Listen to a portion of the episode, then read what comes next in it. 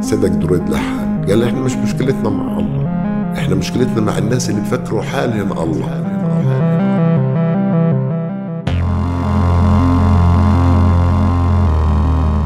لطالما قامت الحكومات في الوطن العربي على بث رسائلها وأهدافها السياسية عن طريق كل السبل الممكنة تعليم الإعلام وغيرها لكن هل مرة فكرت إنه حتى المسجد بيتم استغلاله لهذا الهدف عن طريق تجمع أسبوعي مهم اسمه خطبة صلاة الجمعة؟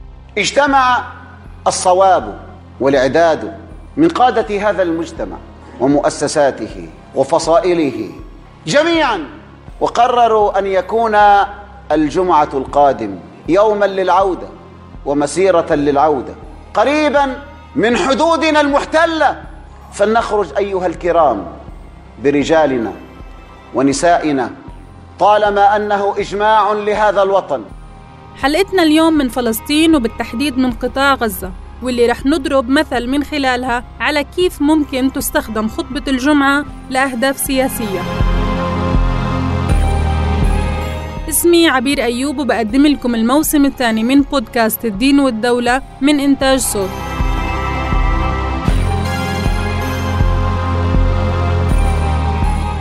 مش كتير غريب إنه نلاقي السياسة موجودة في خطبة الجمعة طالما إنه وزارة الأوقاف اللي بتنظم عمل المساجد ضمنيا تابعة للحكومات.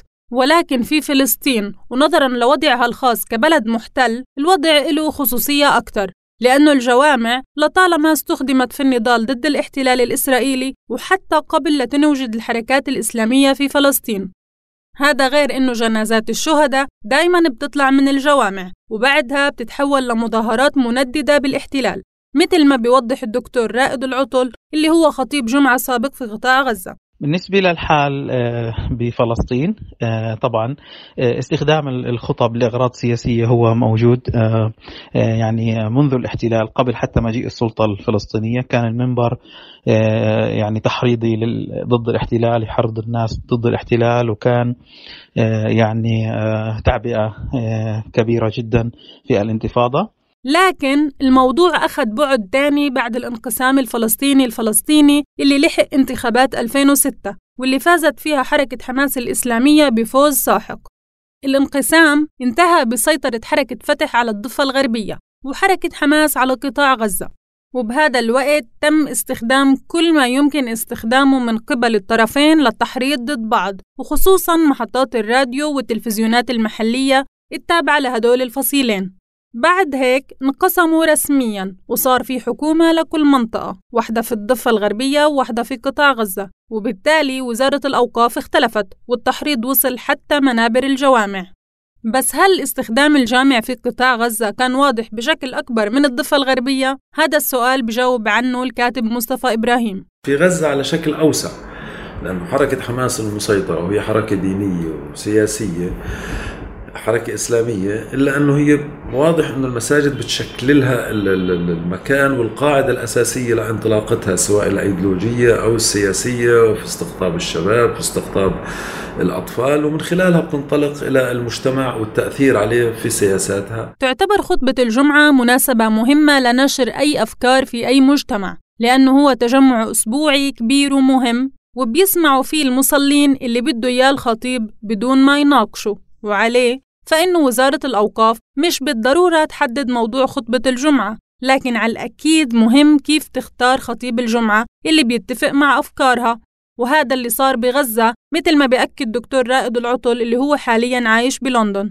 أصبح هناك استقطاب شديد أصبح هناك آه، في يعني فلترة قوية جدا للخطباء آه، إيقاف عدد كبير من الخطباء السابقين التابعين للحكومة السابقة لحكومة فتح. أصبح معظم الخطباء الآن هم من الخطباء الموالين لحركة حماس. وبالتالي بيتم توجيههم عبر الأسر لأنه كل خطيب موالي لحركة حماس هو بيجلس أسر بيجلس جلسات أسرية تنظيمية. فبالتالي هو بيكون عارف توجه العام للحركة.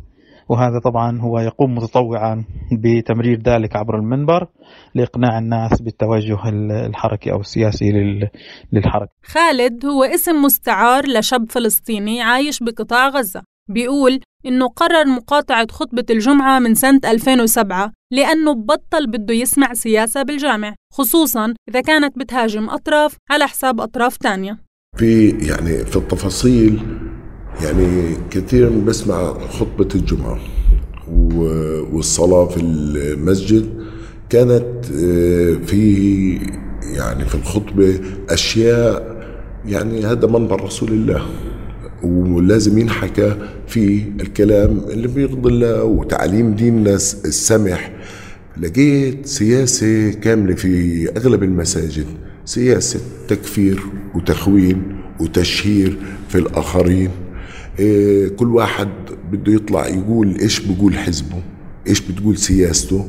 بس دكتور زكريا زين الدين واللي هو خطيب مسجد في قطاع غزة من 15 سنة بيقول إنه السياسة تدخل بخطبة الجمعة فقط بالسياق المناسب والطريقة المناسبة ومش أكثر من هيك. الحياة السياسية بالتأكيد أثرت على الشارع الفلسطيني في كل شيء. أثرت على التاجر أثرت على الصانع أثرت على المدرس أثرت على آه، رجل الشارع أثرت على الرجال على النساء على الأطفال.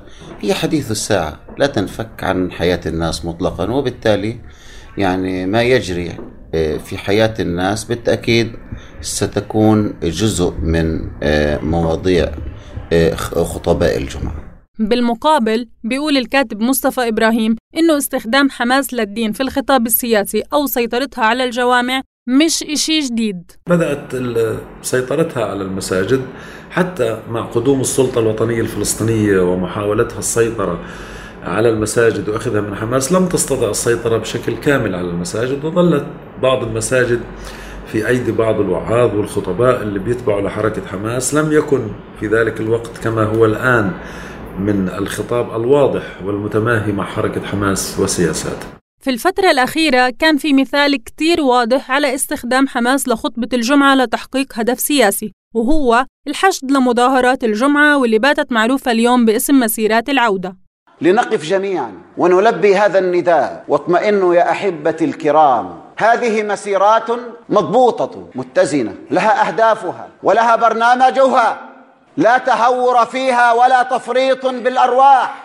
بيقول الخطيب دكتور زكريا إن وزارة الأوقاف في غزة ما بتتدخل أبدا في موضوع خطبة الجمعة لكن ممكن يكون في مساعدة في الأفكار اللي ممكن تنطرح. في بداية آه، مسيرات العودة التي كان عليها إجماع وطني وإجماع شعبي آه، في قطاع غزة بل في أرجاء فلسطين مسيرات تطالب بالعودة وكسر الحصار كان هناك توجيهات لوزارة الأوقاف للخطباء بموضوعات معينة ترفع من همة الناس وتتحدث عن آه، قضية الرزق بيد الله سبحانه وتعالى آه، تتحدث عن قضية العودة إلى الوطن وحب الوطن وغيرها من هذه الموضوعات التي من شأنها ترفع همة الناس وما زالت وزارة الأوقاف توصي خطبائها بتوجيه الناس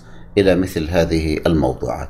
لكن الكاتب مصطفى إبراهيم بيقول إنه الموضوع أكبر من هيك وإنه تعدى موضوع الدعوة للمظاهرة فقط. ورأينا الدعوات التي تنطلق كل مساء خميس وصباح جمعة وأيضا استطاع بعض الخطباء أن يكونوا سياسيين أكثر من السياسيين في دعوة الناس إلى التوجه سواء والترويج لحق العودة وإعادة بث الوعي والحماسة الوطنية بشكل يقبله الجميع. هناك بعضهم كان فاضح في بعض هذه الدعوات و اتهام المواطنين أنه من لم يذهب إلى مسيرات العودة فيجب أن يشك في إيمانه مثل هذه الشعارات لكن بعضهم كان ينطلق من منطلق وطني للدعوة لهذه المسيرات والترويج آه، لها. الدكتور رائد العطل بيقول إنه المشكلة مش بس في الدعوة عن طريق منبر الجامع لفعاليات معينة، بل إنه حتى الدعوات لهيك أحداث مرات بتكونش أهدافها السياسية الحقيقية معلنة.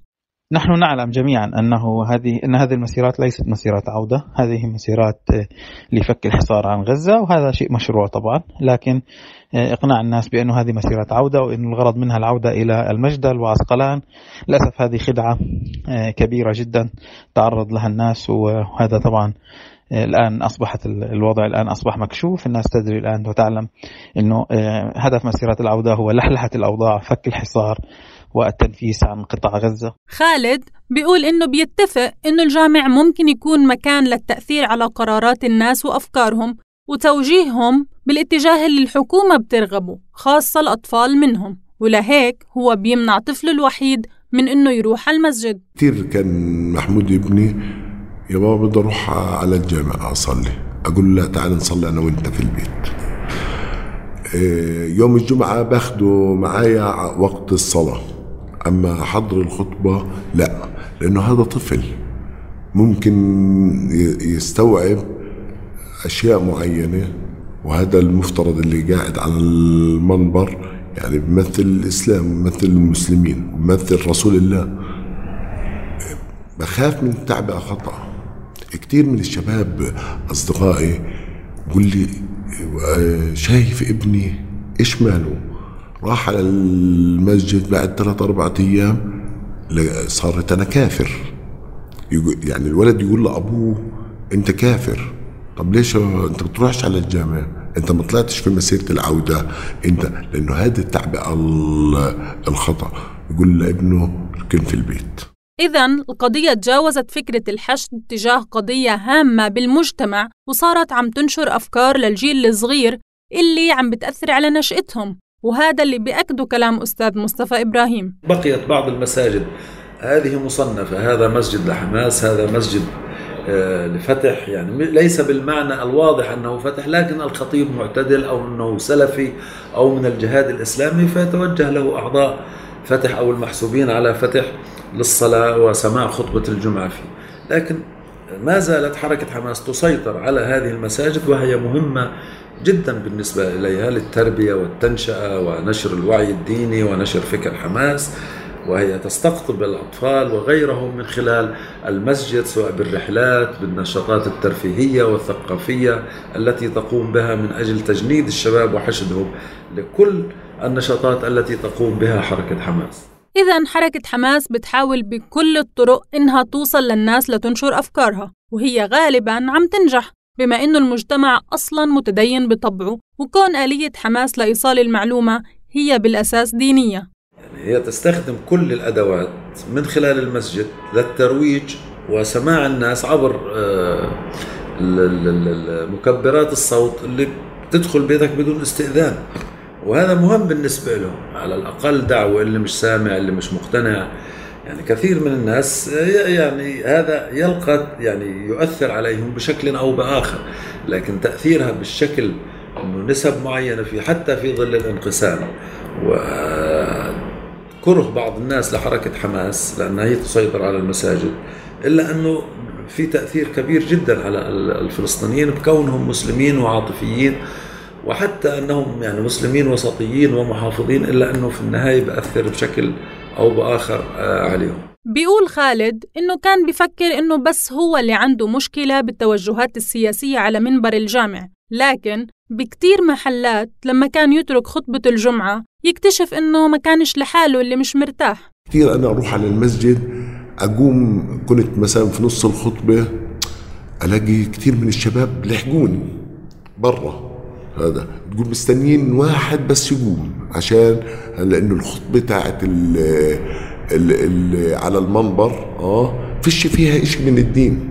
فيها إشي بس تسجير الدين لحركة حماس عشان يضلوا هم الحكم ويضلوا هذا الحكم في إيدهم. هذا أقصى الاماني بتاعتهم فهي هي المشكلة اللي أصبحت كارثة. أنا بعتبرها كارثة.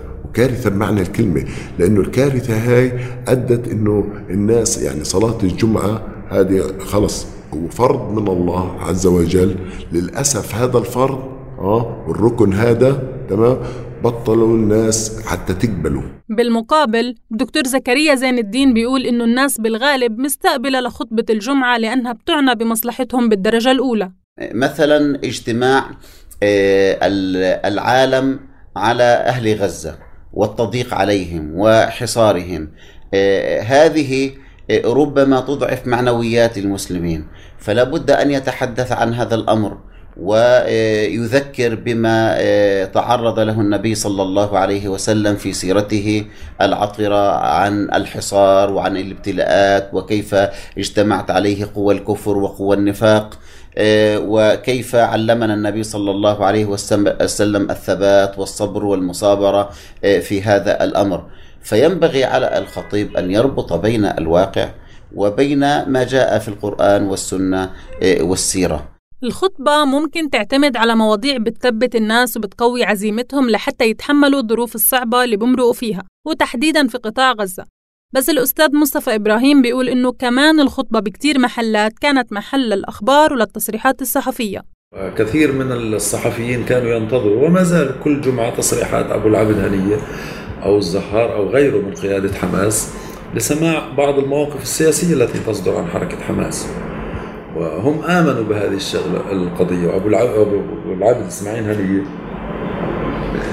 يعني يحرص كثير من الصحفيين والمتابعين لسماع خطبة الجمعة لديه ليتأكدوا من المواقف السياسية التي تصدر.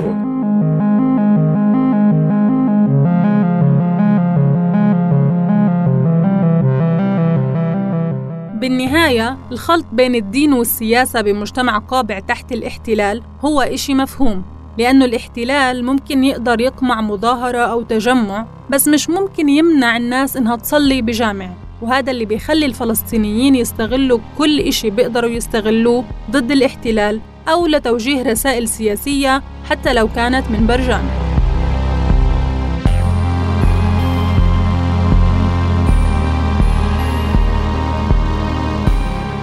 وبهيك منكون وصلنا لنهاية هاي الحلقة من فلسطين. كان معكم بالإعداد والتقديم عبير أيوب سالم الرئيس بالمشاركة في الإعداد تيسير قباني في الهندسة الصوتية وصبرين طه في التحرير. منلاقيكم بحلقة جديدة استنونا.